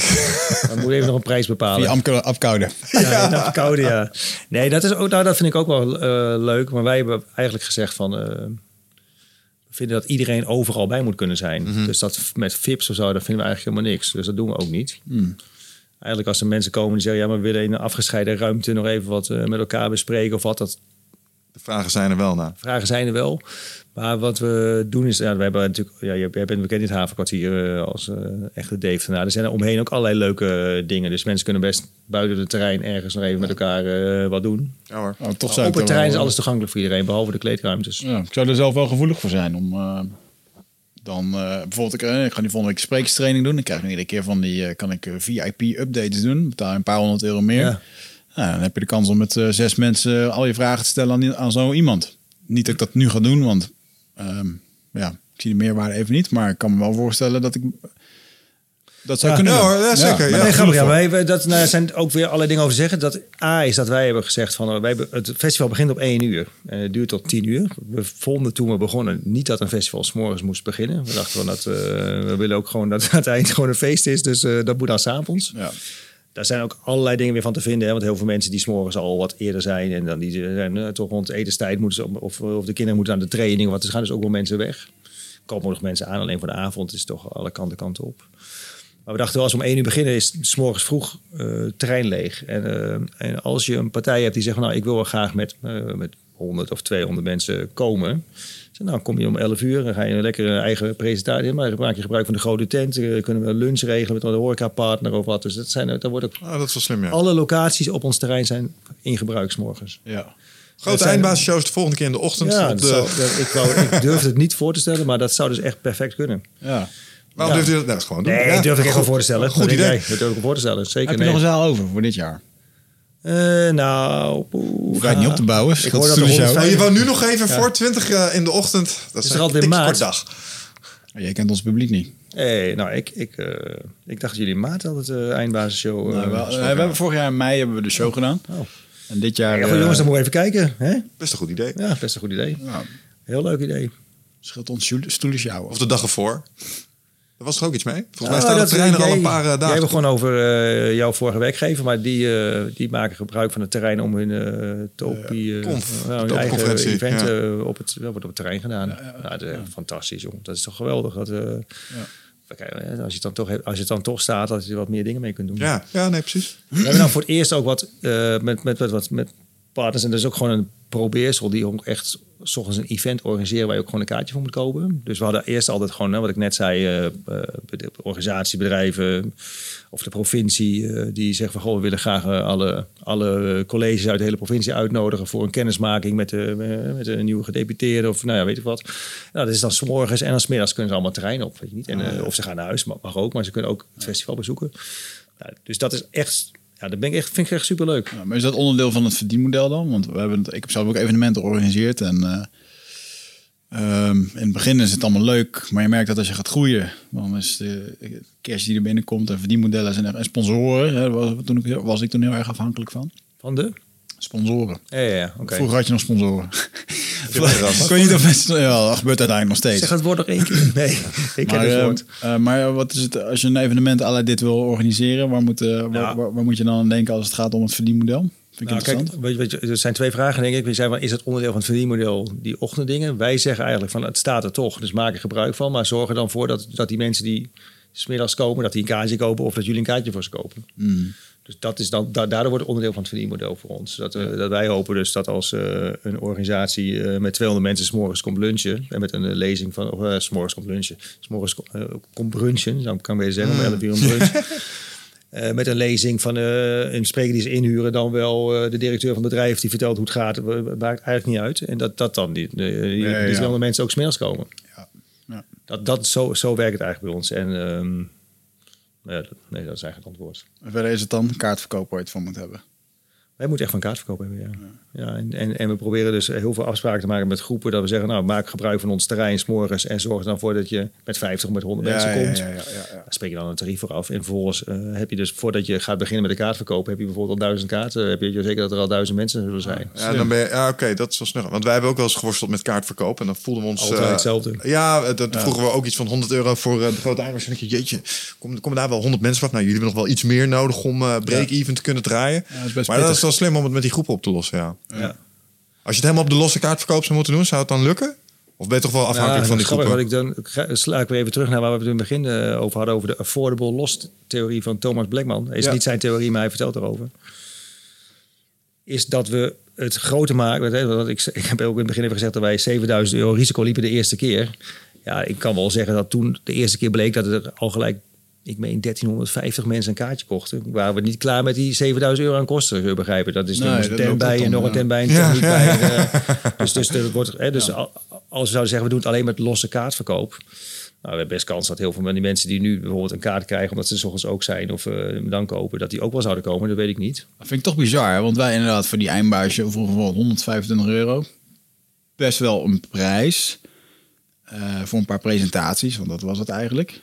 En dat is dan grappig, want als iemand, eh, als ik bijvoorbeeld workshops geef, dan koopt men makkelijk voor 200 euro een kaartje. Ja. En, hebben ze, hebben ze- en dat zou eigenlijk hetzelfde kunnen zijn. Dat is ook een beetje de benaming die je eraan geeft. Misschien Ja. daarom festivals wat eh, beter in de markt liggen. Ja, dat is het even. Dat, kan- Maar eh, dat verbaast me dat dan 1300 mensen een kaartje van 195 euro. ja, nu 2500 dit jaar. Ja, bijzonder. Dat is goed hoor. Het is wel, ja, dus, dus, ja, het is in die zin, ik probeer wel altijd, ik wil het ook nooit te groot maken, maar uiteindelijk is het best bijzonder, vind ik ook. Het is Ja. gewoon echt heel goed gelukt. Dat je iets hebt gecreëerd wat dus heel veel mensen aanspreekt. Wat, dat, waardoor er inderdaad van eh, een club uit Amsterdam komen met eh, misschien wel 30, 40 man. Dat we worden gebeld door een club van zorgdirecteur uit Drenthe. Die belde op of er een plek voor de touringcar was. Oh, Want we komen met z'n... Ja. Vroeger moesten dus inderdaad 40 mensen bedenken om, eh, om, om te komen, weet je niet. En nu eh, bellen ze op. Dus dat is, ja, dat is echt fantastisch. Hoe ga je 2500 mensen kwijt eh, laten parkeren daar eh, in Ja. dat gebiedje? Je moet gaan pendelen vanaf de Mac, denk ik. dat zijn, problemen. Het zijn fijne problemen om te hebben. Nee, maar het is geweldig. Dat, eh, dat is echt een probleem. Ja, dat kan ik me voorstellen. Dus we hebben dat, eh, ja, we zijn ook heel goed overleg met de gemeente. En eh, we, we, we hadden afgelopen jaren altijd in alle parkeergarages gewoon plekken. En er is gelukkig een boreel eh, bijgebouwd. Het is een nieuw, nieuw soort winkelcentrum, dicht tegen het centrum aan, vlak bij ons terrein. Waar we sowieso altijd 500 auto's kwijt kunnen. Dus ja, daar kopen gewoon in alle parkeergarages plekken. En eh, eh, ja, het is, die, zijn wel een voordeel. We vragen natuurlijk aan mensen van tevoren of ze een pa- parkeerplek nodig hebben. Dus we Ja. weten wel precies wat we nodig hebben. En nu, nu eh, zijn we, ja, we zitten ook elke keer om ons heen te kijken of we ergens nog braakliggende terreinen zien. Of dingen die we kunnen huren. Of weet ik wat, waar we dan zelf eens kunnen creëren. En vorig jaar was ook super. Je had eigenlijk moeten komen. Maar eh, we hadden aan de overkant van de IJssel hadden we een heel groot eh, terrein van de gemeente gekregen. Ja. Gewoon een grasveld. En toen hadden we een pontje gehuurd. Dus mensen gingen met een pontje over. Daar stond een muzikant eh, gelijk eh, met zijn gitaar liedjes te spelen. Dus mensen die stapten van de, uit de auto waren gelijk in de Ja. soort prettige sfeer. En Is dit nou bij het gebied als ik bij jou de straat uitrij en ik kom bij eh, dat water aan? Hebben we het over dat gebied? Nee, ja, je rijdt tegen de IJsland. Nee, waar, waar je dat bruggetje over ging. Zeg maar daar zo. Waar de koffieshop de kikker, dat ken je wel. Als je David binnenkomt rijden, weten de meeste mensen wel... Oh, koffieshop. Met, Koffieshop bij de David. Ja, daar. Ja, Daarachter. ik ken niet veel dingen in Deventer, maar die Maar ken ik wel. ja, Ja, precies. Ik moet, even, je- ik moet even opmerken dat ik daar nog nooit van gehoord heb. Oké, nou, dat geeft niet. Weet je wat trouwens nog een eh, mooi terrein is als je het hierover hebt... waar eh, afgelopen zomer een eh, muziekfestival is georganiseerd? Hotel Gaia. Dat heeft best wel veel parkeerterrein. Het is een heel groot eh, terrein. Er zit ook een stukje verstijd bij. Maar 2500 man is misschien wat te groot voor... Oh, je hebt het over helemaal een nieuw terrein van ons festival, bedoel je? nu? ja. ja, Oh. omdat je erover had. Omdat we aan het kijken zijn naar braakliggende Nee, nee, terreinen. nee, voor parkeerplekken. Oh, oké. Ja. Sorry. Nee, we hebben niet de ambitie om weg te gaan naar de plek waar we nu zijn. Dat is niet, eh, kan natuurlijk altijd een keer eh, dat er een, een noodzaak is, maar Betekent dat ook dat je niet de ambitie hebt om... want ik denk dat je hier wel een beetje tegen de nok aan zit. Qua omvang? Of kun je nog heel veel groeien hier qua bezoekersaantallen en dat soort dingen? Dat is dat ook, ja, ik, ik voel me net zo'n eh, weerman. Er zijn altijd, we zijn hier, ook, hier zijn weer twee dingen over te zeggen. Eén is, is de eh, eh, ambitie niet best afhankelijk van de ruimte die je hebt. Maar je kunt ook denken van, moet het veel groter worden? Blijft het dan dezelfde sfeer houden? Blijft het gezellig? Daar zitten we, worstelen we mee. Het is op, overigens ook niet zo dat we nu tegen mensen zeggen van, je mag niet meer komen. Een gegeven moment natuurlijk wel als het uitverkocht is. Maar eh, we hebben nu wel wat ruimte om op te schalen... omdat we die pontons aan de overkant hebben gelegd. Dus dat we hebben echt een, eh, aan de overkant... Een, eh, had, had ik dat nog helemaal niet verteld? Nee. Oh, Ik kan dat watertje nu overlopen dat dus. hebben we verteld voor de uitzending. Ja, sorry. Ja, we gaan inderdaad echt, dat vind ik ook weer super raar. Kijk, we hadden het er toevallig vanmorgen over. Als we nou gewoon het draaiboek van vorig jaar uit de kast hadden gehaald en gewoon hetzelfde hadden gedaan, waren we waarschijnlijk niet zo druk geweest. Maar ja, het moest weer opschuiven, het moest weer anders, een nieuw parkeerterrein, wat je net al schetste. Maar we gaan Sommige ook mensen, ja. pontons naar de overkant leggen nu, waardoor de skatehal Burnside, ik weet niet of dat Ja, ja. zegt, geweldige locatie. Die trekken we dus, of die, die hebben we eh, nou, bereid gevonden om hun, eh, voor een dag eh, aan ons te verhuren. Waardoor we nu met, ja, er komt dus nu gewoon een brug over het water. En eh, dan kunnen mensen dus ook daar eh, lezingen volgen. Ik ben heel benieuwd. Ja, ik ook. Ja, Ja, geweldig. Dus we hebben wel uitbreidingsmogelijkheden nog daar. Maar we, de andere, aan de andere kant is de vraag van... ja, moet het groter dan 3000 Ja. mensen worden überhaupt? Dat met die brug kan trouwens denk ik wel echt alleen met een kennisfestival. Dat zou je met iets als Lowlands niet moeten Ja, willen, denk ik. die- Daar raak je, daar raak je maar die, bezoekers die, brug, die brug die wordt neergelegd door het Corps Mariniers. Ja, nee, dat Oh, zo is, eentje, ja, ja, ja. Dat is grappig. Dat, dat is niet zo. Dat die eh, komen wel misschien langs met wat van die speedbootjes... waar mensen, dan misschien mensen uit water kunnen vissen. Daar zijn we ermee bezig. Ja, maar eh, ah, de, oké. de pontonbrug wordt gewoon door... eh, ik zat er ik te heb daar praten wel over we hebben het daarover gehad, maar eh, eh, z- zij vinden... eh, zij, hebben, zij hebben pontons om bij wijze van spreken een landing te doen om mensen te redden. En niet per se om Oh, mensen overheen te laten wandelen. militaire brug neer zouden ja, leggen daar. precies. Nee, nee dat, was, dat wilden wij graag, maar dat was uiteindelijk niet... eh, Dit wordt een paar van die drijvende kurkobjecten waar je Nee, van... maar ik wil er toch even op inhaken. Want ehm, op Lowlands, als je, zeg maar, er is een markt bij Lowlands. En daar is een soort van, eh, aan de aan de overkant van het water. En dan moet je dus met, met een pontonbrug, waar ook wat terrasjes en zo zijn, op het water, naar de overkant, naar de grote tent lopen. Dus eigenlijk zijn we ook voor de pontonbrug daar weer, ja. geïnspireerd geraakt door Lowlands. Jij zegt, moet je op Lowlands niet doen? Nee, sterker nog, we hebben het op Lowlands. dachten we, god, dat willen wij ook. Dus dat kan wel degelijk, is eh, de conclusie. Maar dat is, dat is wel grappig, want eh, kijk, ik, niet dat we dat nou daarvan gejat hebben, maar op wij hadden bijvoorbeeld ook eens een keer een opening. Weet je niet? Dat je zegt van nou, we openen het festival. Ik vind het zal misschien bij het eindba de eindbasisshow ook zijn dat er een opening is. Ik doe ook bij andere congressen altijd een opening. Maar wij merkten ook als we een opening hadden, dat was echt, ja, dat was gewoon een beetje, ja, was ook vervelend voor degene die dat doet. Iedereen komt binnen met het blokkenschema voor zijn neus. Ja, die wil daarheen, die wil daarheen. Dus dat, daar was een opening aan de gang. Maar iedereen die vloog, ja, sorry, die vloog daar langs, weet je niet. Dus toen dachten we, ja, is er eigenlijk op Lowlands een opening? Toen dacht ik, ja, ik heb wel eens een keer gehad dat ik op vrijdag per se om één uur hè, de, de beginnende band wilde zien. Maar die begon gewoon, er was geen opening. Weet je, dus we dachten, we moeten helemaal geen opening meer doen. Dat past helemaal niet bij een festival. Dus huppakee, dan kun je ook Nee, dat killen, moet je met één zaal doen. En eh, ja. ja, gewoon gaan. als iedereen binnen is. Wij hadden ook een... Dus, dus, dus, dus daar zijn we dus. nou ja, het is even als vervolg op die pontonbrug. Dus we, we kijken wel veel naar andere festivals. Hoe gaat het daar? En, en, en eh, nou ja, daarom vind ik ook dat we onszelf een festival mogen We noemen. hadden ook een vette opening bedacht vorig jaar op de eindbasisshow. Toen had ik echt allemaal die confetti, confetti kanonnen gekocht. En die had ik aan ons team gegeven, een mannetje of 14. Allemaal van die dingen gekocht. En ik denk, weet je, dan, niemand weet dat. Dan straks gaat de muziek aan en dan laat ik al die dingen knallen. En toen ik die dingen pakte, toen zag ik in één keer de eigenaar van de pand. Die keek me echt Ja. zo aan. Van, Ja. wat ga je doen? Hij zo, oh, ik zo, het is gewoon confetti. Kun je er nou toch opvegen? Hij zo, mhm, maar dat gaat hier niet gebeuren. Ik Ja, geloof zelfs bij, dat bij die... eh God, nee, het lijkt net wat ik bij alles wat jullie zeggen, dat hebben we ook een keer gedaan. Maar bij die opening wat ik net schetste, dat eh, daar ook confetti kanonnen bij betrokken waren, ja. Ja. ja en als, het dan, als dan iedereen rennende is naar een zaal waar ze op tijd willen zijn... en dan, daar staan vijf mensen met confetti kanonnen Ja. te schieten, dat sloeg echt nergens Dit had te maken met. eh, hij wees ook naar de vloer. Hij had echt zo'n eh, zo'n giet, eh, gietvloer daar. En er zaten echt. eh, Het leek wel Ja, alsof het ja. zilver erin gegoten was. Als hier water bij komt en shit, dan blijft het in die vloer, wordt verzekeringswerk. Ik zeg, nou, wij zijn niet verzekerd door dit Dat willen we evenement. Nou, wij willen dus inderdaad ook... niks ten nadele van diegene die de opening deed. Want we hadden dat zelf bedacht. Dat leek ons een heel goed idee. Maar je komt ook gewoon achter dingen waar die je anders Ja. moet doen op termijn. Ja, ja, ja. Dus eh, het wordt steeds beter, denk ik ook. Hoe, kunnen we, een, ehm, hoe kunnen wij daar iets doen? ehm, we we willen daar gaan podcasten, live Ja. op het evenement. Wat is leuk om te doen? Laten we eens even een brainstorm houden over eh, Ja. wat wij daar eh, mogen gaan doen. Ja, goed. Ja, weet je... eh, eh, eh, ik zou haast even de link willen leggen. Wij hebben ooit bedacht dat we laagdrempelig kennis willen delen. Als missie. Ooit in twee woorden hadden we onze missie opgeschreven. En ik, ik vind... Nou goed, dat hoef ik, jullie niet uit te leggen. Maar daar hoort een podcast, is dat...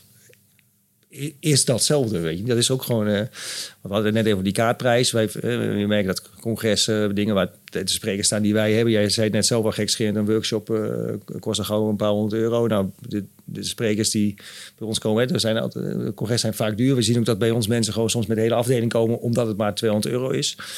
Dus dat laagdrempelig kennisdelen staat heel erg centraal. Ja, dat vind ik een podcast. Ja, in welke vorm dan ook. Dat vind ik dat ook. Weet je niet, als ik in de auto zit hier naartoe, dan zet ik op Spotify een eh, podcast op. eh, de laagdrempelige kant niet zijn bijna. Ja. Dus dat past gewoon heel goed. Dus eigenlijk is alles wat je doet op het, dat gebied oké. Ik, ik kan me voorstellen dat wij, de, wij hebben, hè, zijn 80 sprekers, dat we altijd mensen kunnen vinden die het heel leuk zouden vinden om ook met jullie in gesprek te gaan. Ja. En misschien is het dan leuk om, om hè, want dan, dan krijg je een beetje setting zoals we nu hier zouden hebben. Het is natuurlijk wel leuk om er iets aan toe te voegen. Te zeggen, nou, dat was echt de podcast op het kennisfestival. Ja, dus dat is leuk om een soort misschien een link of een thema of, eh, of misschien, wat, misschien wel twee mensen, drie mensen tegelijk. Ah, of daar zat eh, ik aan te gesprek denken. aan te gaan. Of, Ah, ja. Ik moet een beetje denken aan, eh ken je de podcast Icehouse Chronicles? dat, eh, dat was een eh, podcast die werd gedaan achter eh, een, eh, een eh, zeg maar podium voor stand-up comedians. En wat er dan gebeurde, er waren de stand-up comedians klaar. En dan kwamen ze hier gewoon weer bij zitten. En gingen ze kletsen. Oh, en Wigert moet nu op. En Wigert ging er vandoor. Die ging zijn ding doen. fantastisch. 20 minuutjes later kwam hij weer terug. Weet je, oh, ging het? Ja, ging goed. En soms, soms werden er ook mensen uit het publiek gehaald. Die werden Ja. erbij gezet. ja, lachen. Ja, dat schets ik jou al net even. Dat we hebben een plek in gedachten voor jullie... eh, die, die ook gewoon wel een ruimte is waar ook mensen doorheen lopen of zo. Dus dat is natuurlijk super leuk, denk ik, ook om nou ja, de podcast wat bekender te maken. Mensen die nog niet, geen ervaring mee hebben, ook gewoon te laten zien wat het is. Ja. En, eh, maar en mensen misschien ook af en toe gewoon te betrekken. Dus als je zegt van ja, we trekken af en toe gewoon eens iemand aan tafel en die stelt ook een vraag. Dat zou, ik zou, eh, dat zou heel goed Ja, passen of in dat het je concept. andere sprekers bij elkaar laat zitten Ja. inderdaad. Spreken ze dat je met, eh, met elkaar laat kletsen. Dus dat we er een viertal microfoons hebben. En eh, nou, stel je voor... eh, Wij gaan bier halen, jongens. Mirjam, jij bent nu even host. Veel succes. Ja. Bas, mazzel. Wij Ja. zijn er zo weer. Maak jullie maar eens even een podcast. Dat is toch geweldig. Nee, maar en dat je ze dan gewoon eigenlijk, eh, ehm, omdat het toch doorwisselt, dat je een, een opname van twee of drie uur doet, waarbij steeds wisselende eh, mensen aan tafel zitten, die even hun ding kunnen komen vertellen. Hey Chris, waar heb je het eigenlijk over gehad zojuist? Eh, je- dat is natuurlijk heel makkelijk te doen in, met een schema. Want die mensen weten exact wanneer ze op het podium staan, wanneer ze dan niet kunnen. En de Ja. rest van de dag eh, kunnen ze vast. Moet ze wel even worden verteld dat ze een opwachting moeten komen maken. Ja, nee, natuurlijk. Dat ze? Dat ze, even, dat ze weten wanneer ze hoe laat er moet zijn, want anders eh, Ja, we, gaat moeten, dat we zouden ook niet daar de hele dag willen zitten. Dan moet het gewoon een blok zijn van twee uur waar eh, iedereen even aanschuift. Ja, zoiets. En dan uh, Geweldig, joh. Dan moeten we even kijken. Nee, precies. Ja, wordt, we moeten ja. stroom hebben. Dat is niet Stroom is helaas in Deventer niet aanwezig. Nee, lopend water ook niet. Dat is, Hebben jullie niet, slecht nieuws voor je. hebben jullie niet een paar van die jongens achter op zo'n fiets zitten die voor de stroom kunnen? Ja, ja. Ik zag hier wel verderop in de gang eh, een fietsenblog. Dus misschien kun je die jongens meenemen. Kunnen die misschien eh, de stroom verzorgen. Veel van dat soort bedrijven zie je, content eh, gerelateerde bedrijven. Ja. Ja. Nee, leuk. Nee, maar daar is, nee, dat is allemaal te regelen natuurlijk. Ja, en misschien eh, inderdaad wel een stukje waar eh, er ook even plek is voor wat bezoekers eh, om eh, binnen te komen. Maar dan moet je, die moet je niet gewoon uit het publiek trekken. Of er moet even iemand zijn die een paar leuke mensen kan aanspreken. Die ergens heel enthousiast stond We te hebben een heel team van mensen die ons helpen. Dus eh daar kunnen we ook iemand aan de podcast koppelen... die zowel de sprekers kan begeleiden naar jullie toe... als eh, misschien iemand uit het publiek kan halen. Ja. Het lijkt me hartstikke leuk. Dus eh, ja, ik- denk aan de handschoenen jongens op een gala. Oh ja, die had je dan. Hè? Ja, op First Food Gala's heb je altijd handschoenen, jongens. En die eh, zorgen dat... eh, vaak heb je vier paar handschoenen op zo'n gala. En als die jongens eh, hebben gevochten, dan, dan moet, er echt, moet, moet je echt iemand opzetten. Van jongens, handschoenen uit, weet je wel. Dat moet Ja. in die ring gedaan worden. Ja, ja, Want anders die jongens lopen in de euforie. Of helemaal gefrustreerd lopen ze terug naar de kleedkamer. En eh, dan moet je dan die dingen nog terug gaan halen. En dan, eh, hoe vaak gebeurde dat? ik denk, ik jullie hebben wel elke keer als, als ik moet even schakelen als jullie over een gala hebben, dat ik dan niet eh, denk aan mensen in een smoking. Nee, nee. Ja, dat is, nou, maar dat is echt een ding. Voor de gemiddelde Nederlander is een gala inderdaad Ja. een deftig diner. Ja, precies. Ik dacht, wat moeten jullie daar nou? Dacht ik nog even. Maar Nee, goed, joh. eh, je moet daarvoor gaan maar even kijken. Daar hangt een postertje van Heat FC, Samurai Ja, Spirit. en daar staat ja. Wigert op zijn pak op. In zijn pak op zijn 22-jarige leeftijd. Oud was je daar?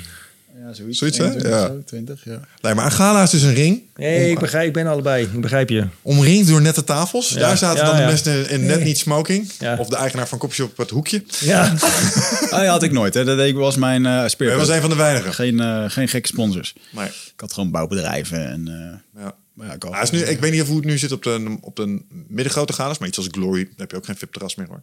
Nee. Je hebt alleen dure kaarten voor stoelen aan het begin. Ja, maar dat is voor die, die VIP-plaatsen zijn gewoon verplaatsen naar stoelen. Je betaalt er hetzelfde voor, volgens mij. Uiteindelijk. Ja. Vroeger draaiden de meeste vechtsportevenementen echt op die VIP-terras. ja. Nee, wat grappig. We het net even hadden over VIP eh, op het kennisfestival. Maar dat is nu een beetje, jullie begrijpen dat het ook een beetje uit de tijd is om met VIP's te werken. Dus eh, Nou ja, VIP's regelde in Nederland. Eigenlijk hebben de vechtsportgala's in Nederland slechte naam gekregen. Omdat de VIP-tafels vol zaten met criminelen. Want wie gaat 10.000 euro voor een tafel neerleggen? Ja. Ja. En, en soms was dat een bankdirecteur. Maar vaak zat die bankdirecteur samen met eh, een of andere loesje advocaat en een crimineel aan tafel. Weet je? Dat zag je dan er, liepen, er liepen vaker als niet vestjes Ja. over het VIP-terras. En dan bedoelen we jongens uit motorclubs. Goed dat wij dingen. Het was geen, echt eh, eh, de Efteling voor de AIVD hoor. Die zaten daar gewoon met busjes en dingetjes en te kijken wie er bij elkaar aan tafel zaten. En daardoor is dat toen op een gegeven moment. ik hoor dat ik blij ben dat wij geen VIP's hebben op het kennisfestival. Ja. Hoor ik Ja, ik denk dat dat een ander soort mensen Ja. En, en wat helemaal hilarisch was, als je dan fanatieke fans van de een langs de andere tafel zette. En dan, weet je nog, popschrijver en Melvin Manhoef? Ja, dat weet ik En die zetten ze dan langs elkaar, per ongeluk. En dat ging dan gewoon, dat was gewoon wachten totdat het fout ging. Dat was vechten. Ja, tijdens, de, tijdens de partij zelf brakken dan de pleuris uit. Ja.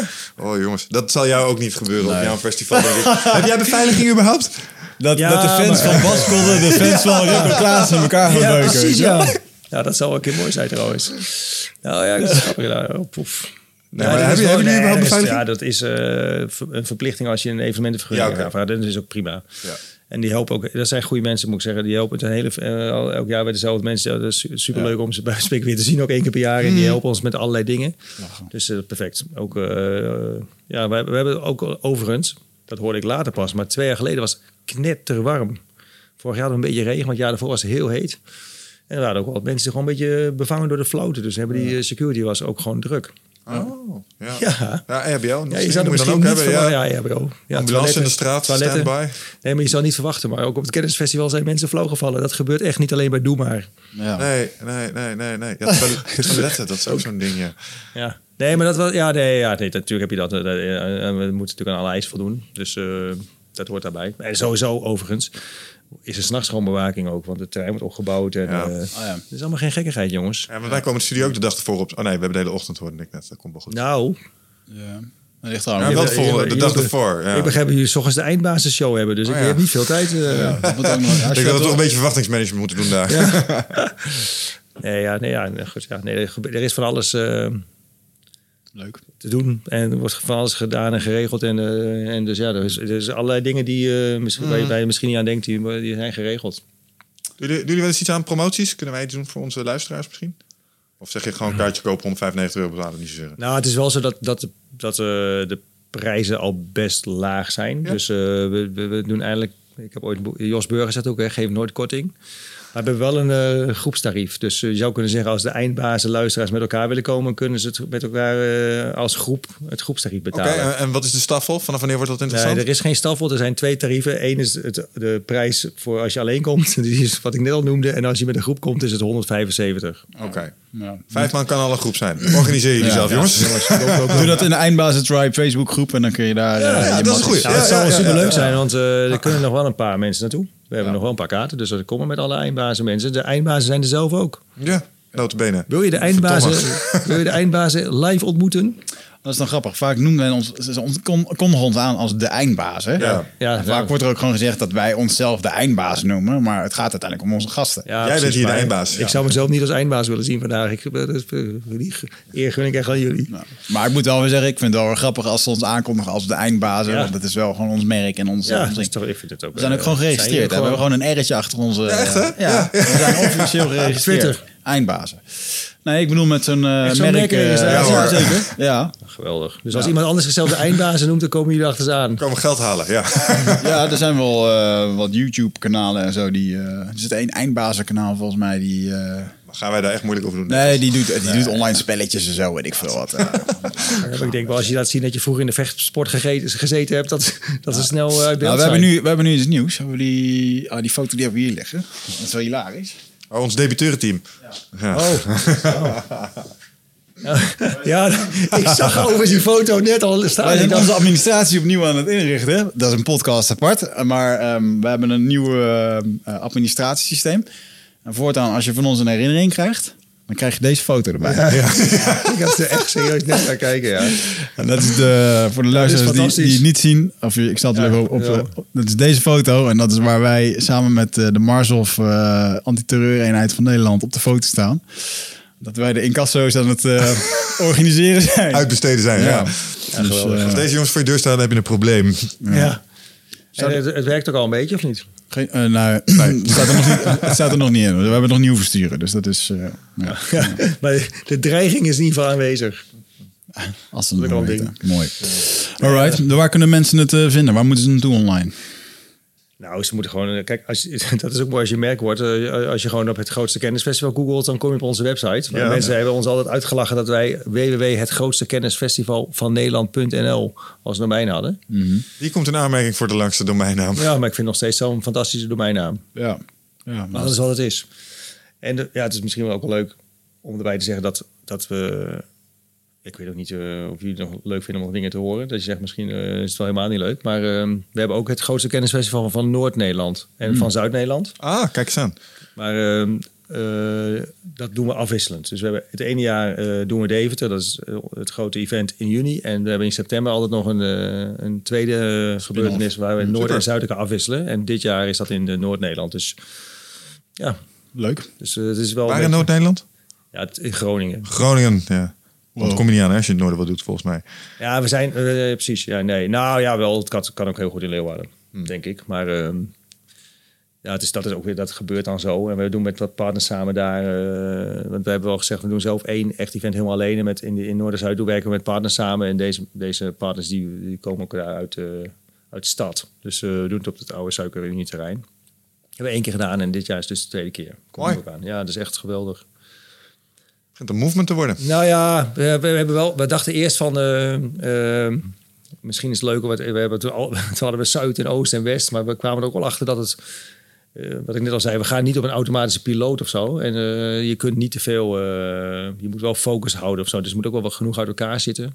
Dus we houden gewoon bij twee voor onszelf. Nee, maar dat is wel mooi, want de klacht is heel vaak dat in het noorden en het zuiden wordt toch een beetje als periferie ervaren. Het gebeurt niet zo superveel. En dan kun je hier op deze manier wel. Ja, het is wel grappig dat, eh, dat, dat je, je leert ook gewoon van op, op verschillende plekken dingen organiseren. Dus, eh, eh, er zitten daar regionale verschillen in. Nou ja, dat, dat, in Deventer komen dus mensen uit het hele land.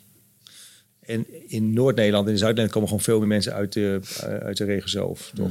Dus dat is misschien wel logisch, hè? Dat je... Dat, goed, dat... Misschien is dat wel logisch, weet ik eigenlijk niet. Maar dat Ja. is wel eens een hele hechte gemeenschap ook gewoon. Niet dat wij dat niet in, in Oost niet zijn, maar in, in Noord, ja, er zijn mensen die doen heel veel met elkaar. Dat is een hele, hele hechte club. En in Zuid is dat ook. En dat is grappig om te merken. Dus dat is Ja. ook, eh, Heb je dan ook regionale talenten?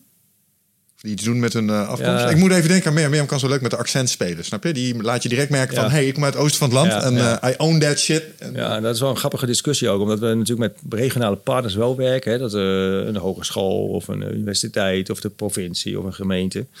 En, en je merkt wel dat daar soms de neiging bestaat om ook graag eh, sprekers uit de eigen regio te hebben. Terwijl Ruud en ik heel erg zoiets hebben. We willen gewoon de beste sprekers op een bepaald vlak Ja. hebben staan. Ja. Dus dat is een beetje spanningsveld soms. Nog geen spanningsveld. we proberen- ja, wij willen gewoon een goed Nee, programma. maar ik denk dat het wel super belangrijk is, want daar zit de kwaliteitsbewaking. Dat is Ja. nam- ons namelijk ook op het hart gedrukt. Zorg ervoor dat de mensen die je in de studio houdt wel het, het predicaat eindblaas blijven verdienen. Want het zal heel verleidelijk zijn om allerlei andere mensen in te fietsen. Eh, vanuit allerlei motivaties en redenen. Of Ja. dat je iets wil gunnen en dat soort dingen. Maar tegelijkertijd, eh, je hebt wel een bepaald label neergezet. En Ja, moet je wel proberen Ja. blijven in stand te houden. Nou, en ik zei net gekscherend eh, toen we het over jouw zwangkwaliteiten hadden. Van iemand moet de slechtste zijn. Ja, je- dat is niet zo, want iedereen heeft zijn eigen mening. De een vindt dit en de ander vindt dat. Maar dan heb je, je hebt natuurlijk altijd toppers en mensen die wat minder zijn.